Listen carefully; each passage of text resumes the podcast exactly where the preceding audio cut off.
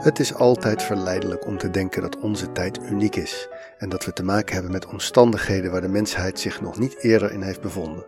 Soms is dat ook zo, maar heel vaak ook niet. Het verhaal van vandaag gaat over de fascinatie die mensen nu eenmaal hebben met leugens en complotten.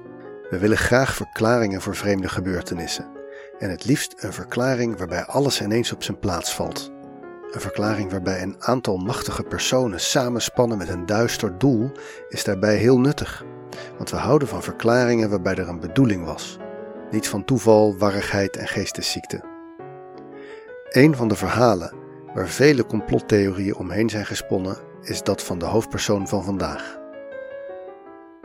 Het is eigenlijk heel raar dat de naam Caspar Hauser inmiddels vrijwel vergeten is, terwijl hij in de 19e eeuw een internationale beroemdheid was. Nog niet zo lang geleden werden er films over hem gemaakt en boeken over hem geschreven. Er zijn opera's, balletten en popsongs over hem. Er zijn bands naar hem vernoemd. Toch denk ik dat de meeste van jullie niet weten wie Caspar Hauser was. Hier komt het.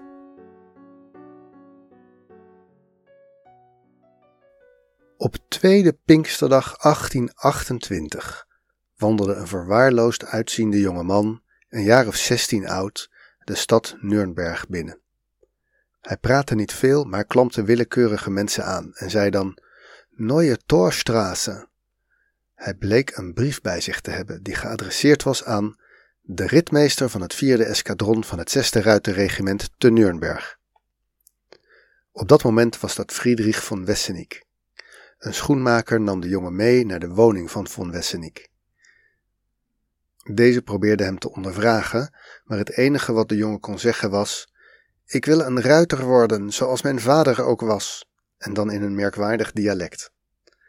De jongen reageerde nauwelijks op vragen. Als ze aandrongen, kwam er uiteindelijk nooit meer uit dan weet niet en tranen. Tot ieders verbazing bleek hij wel zijn naam te kunnen schrijven.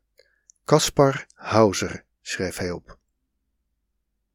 De brief die hij bij zich had, had als aanhef van een onbekende plaats aan de Beierse grens, 1828. Hij was niet ondertekend, maar de schrijver beweerde een eenvoudige dagloner te zijn, bij wie 16 jaar eerder een zuigeling te vondeling was gelegd. Hij had het kind leren lezen en schrijven en had hem christelijke gebeden geleerd, maar hij had hem nooit een stap buiten de deur laten zetten. Al dus de brief. Er zat nog een tweede briefje bijgevoegd, dat kennelijk door de moeder bij haar kind was achtergelaten. Daarin stond de naam Caspar en werd een geboortedatum genoemd. Er stond ook in dat de vader van het kind een ruiter uit het zesde ruiterregiment was, maar dat hij dood was. Uiteindelijk werd de jongen opgesloten als vagebond in een politiecel in het kasteel van Nürnberg. Daar was een cipier die het wel met hem te doen had en hem vaak uit zijn cel liet en bij zich thuis uitnodigde en liet spelen met zijn kinderen. Caspar was heel kieskeurig in zijn eten. Hij at alleen water en brood. Door het contact met het gezin van de cipier leerde Caspar wel steeds beter praten.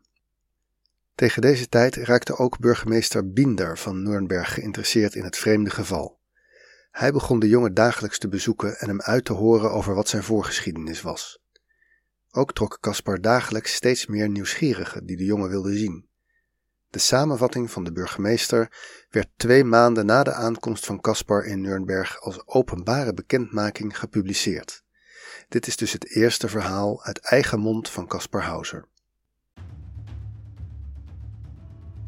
Hij vertelde dat hij al sinds zijn allereerste herinnering had gewoond in een soort hok, te laag om rechtop te staan, te klein om lang uit te liggen. De ramen waren geblindeerd, dus daglicht kon nauwelijks binnenkomen. De deur was altijd op slot. Iedere ochtend als hij wakker werd, vond hij brood en water. Soms had het water een bittere smaak. Als hij dat toch dronk, viel hij in een diepe slaap en als hij dan wakker werd, waren zijn haar en nagels geknipt en had hij schone kleren aangekregen. De enige spullen die hij in zijn hok verder had, waren twee uit hout gesneden paardjes en een houten hondje om mee te spelen. De eerste mens die hij ooit had gezien was een man die kort voor zijn vrijlating was verschenen. Deze man had er altijd goed voor gezorgd dat zijn gezicht niet te zien was. Deze had hem zijn naam leren schrijven en het zinnetje leren zeggen dat hij een ruiter wilde worden. Daarna had de man hem naar Nürnberg gebracht. Gedurende de tocht had Caspar moeten leren staan en lopen. Naast dit verhaal merkte burgemeester Binder nog iets op in zijn bekendmaking. Volgens hem waren de handschriften van beide brieven, die van de dagloner aan de grens en het briefje van Caspars moeder, van dezelfde hand.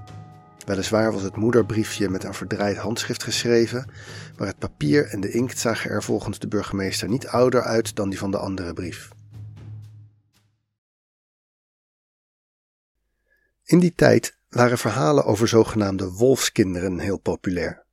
Dat zijn kinderen die van jongs af aan zonder menselijk contact zijn opgegroeid. De publicatie van Caspars verhaal werd dan ook gretig opgepikt. Het nieuws verspreidde zich snel en er kwam een soort pelgrimage op gang van mensen die hem wilden zien en met hem wilden praten. Ook in internationale kranten werd uitgebreid over het verhaal geschreven en verwoed gespeculeerd over wat de ware achtergrond van Caspar Hauser zou kunnen zijn. De stad Nuremberg besloot Caspar te adopteren, hem uit de gevangenis te ontslaan en hij werd opgenomen in het huis van een jonge leraar die hem ook zou onderwijzen. Caspar bleef daar ongeveer een jaar wonen. Deze leraar onderwees hem in van alles en nog wat en hield ook een dagboek bij met observaties. Achteraf kan wel worden gezegd dat dit jaar het gelukkigste uit het leven van Caspar Hauser moet zijn geweest. Na een jaar kon Caspar goed Duits, was volgens zijn gastheer bescheiden, vriendelijk en deed het goed bij de meisjes. Hij had in de tussentijd gevarieerder leren eten en dat deed hem goed. Hij groeide in dat jaar 5 centimeter. De stroom bezoekers was alleen nog maar groter geworden, ook door de uitgave van een biografie. Dan, op 17 oktober 1829, wordt Caspar rond het middaguur gevonden in de kelder van het huis.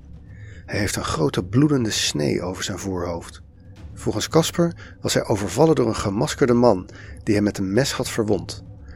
De man had hem dreigend toegeweten: Je moet sterven voordat je de stad Neurenberg verlaat. Caspar zei dat hij de stem herkende. Het was de stem van de man die hem naar Nuremberg had gebracht. De politie startte een grootschalig onderzoek.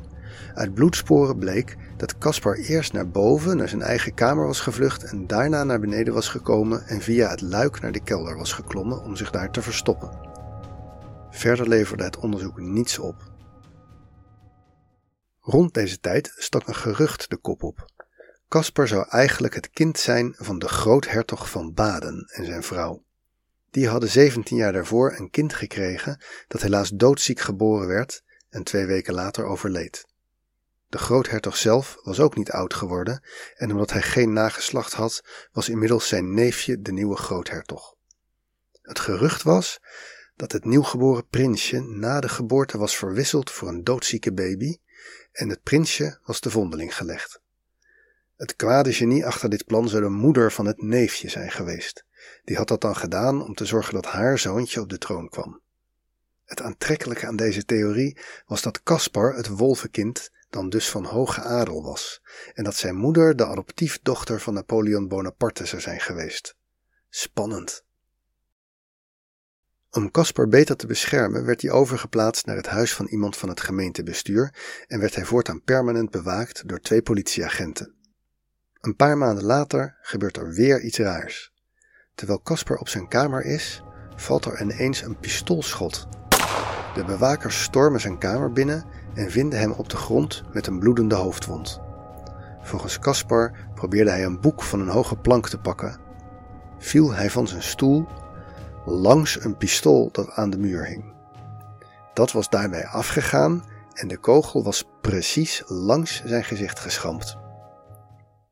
Caspar wordt opnieuw naar een ander huishouden overgeplaatst. Op alle plekken waar hij te wonen komt, wordt in dagboekaantekeningen over hem geklaagd. Hij is ijdel, aanstellerig en boven alles leugenachtig. En tegen de tijd dat de relatie met een gastheer begint te verzuren, is er altijd een nieuwe rijkaart geïnteresseerd in de raadselachtige jongen. Zoals bijvoorbeeld de steenrijke Engelse lord Stanhope, die hem in 1831 onder zijn hoede nam en hem meenam op een reis door Hongarije om te kijken of Caspar daar misschien plekken of woorden zou herkennen. Het leverde allemaal niets op, maar Lord Stanhope nam wel de kosten voor levensonderhoud voor Caspar op zich. Tot december 1833. Dus ruim vijf jaar nadat Caspar in Nürnberg was opgedoken. Hij moet inmiddels zo'n 21 jaar oud zijn geweest en hij woonde in Amsbach, ongeveer 40 kilometer van Nürnberg. Ook in Amsbach woonde hij in bij de familie van een schoolmeester, die dus werd betaald door Lord Stanhope. Op 14 december kwam Caspar ineens strompelend thuis met een enorme steekwond in zijn borst. Hij vertelde dat in een park een bebaarde man hem had aangesproken. Deze had hem een tas gegeven. Maar net toen Caspar deze tas wilde aanpakken, had de bebaarde man hem met een mes gestoken. Toen agenten direct het park onderzochten, vonden ze inderdaad een tas. Het was een lila-kleurige damestas. In de tas zat een raadselachtig briefje, geschreven in spiegelschrift en met hier en daar weggelaten woorden. De tekst van het briefje was: Hauser zal je precies kunnen vertellen hoe ik eruit zie en waar ik vandaan kom. Om Hauser de moeite te besparen, zal ik je zelf vertellen waar ik vandaan kom. Puntje, puntje, puntje. Ik kom uit, uit, puntje, puntje, puntje, puntje, de Beierse grens, puntje, puntje, puntje, aan de rivier, puntje, puntje, puntje, puntje. Ik wil jullie zelfs de naam vertellen. M-L-E. O, omlaut dus.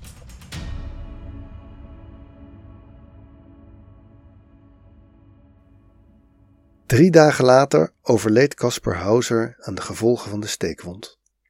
De dokters die hem onderzochten kwamen er niet uit of de wond inderdaad het gevolg van een aanval moest zijn of dat Caspar het misschien zelf gedaan had. Maar waarom? Het bleef een mysterie.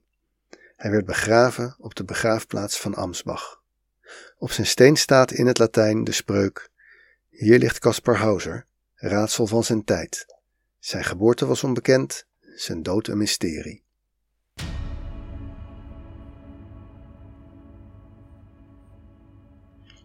Maar met zijn dood was het verhaal van Caspar Hauser niet afgelopen. De aanhangers van de theorie dat Caspar eigenlijk een prins was, zagen hun gelijk bevestigd. De theorie was te bekend geworden en Caspar moest sterven.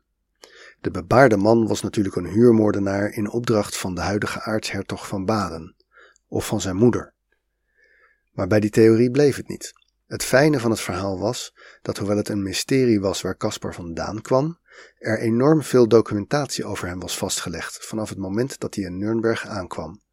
Iedereen die hem een tijdje bij zich in huis had gehad, of had ondervraagd, of was komen opzoeken als toerist, werkelijk iedereen schreef dat op. Mensen hielden dagboeken bij.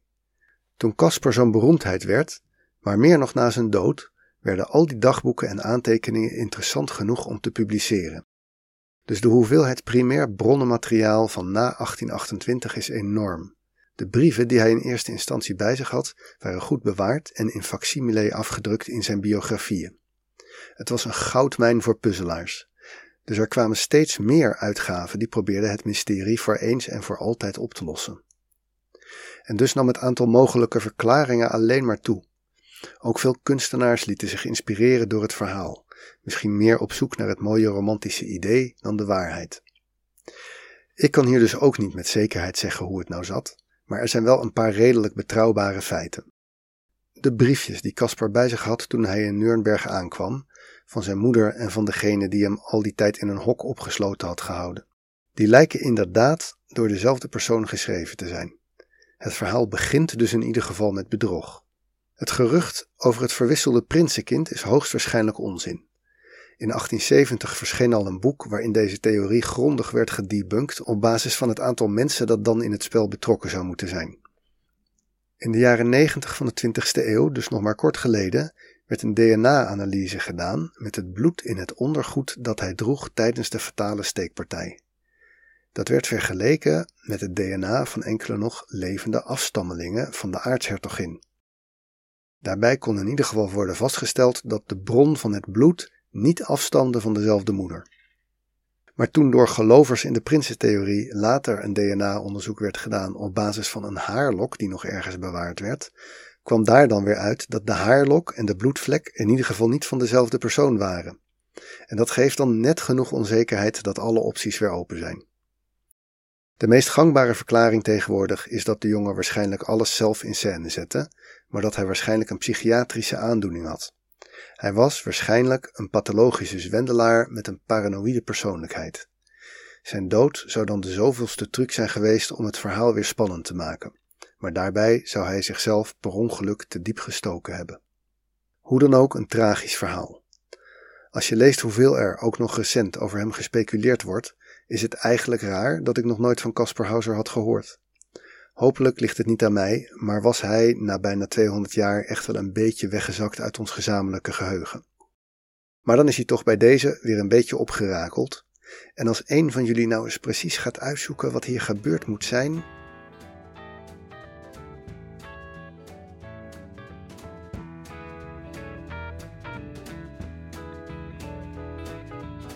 Dit was een aflevering van Nooit Geweten. Het onderwerp van deze aflevering werd voorgesteld door Jan Jongboom. Heel erg bedankt voor de tip. Nooit Geweten wordt gemaakt door mijzelf, Teun Duinstee, en is een hommage aan Wikipedia. De meeste informatie die je hebt gehoord komt daar vandaan. Dank ook aan iedereen die daaraan heeft bijgedragen. In de show notes vind je links naar een aantal artikelen op Wikipedia en informatie over de gebruikte muziek. Bijdragen kan door mij te mailen met ideeën voor nieuwe onderwerpen, door bij te dragen aan Wikipedia of door geld te doneren aan de Wikimedia Foundation.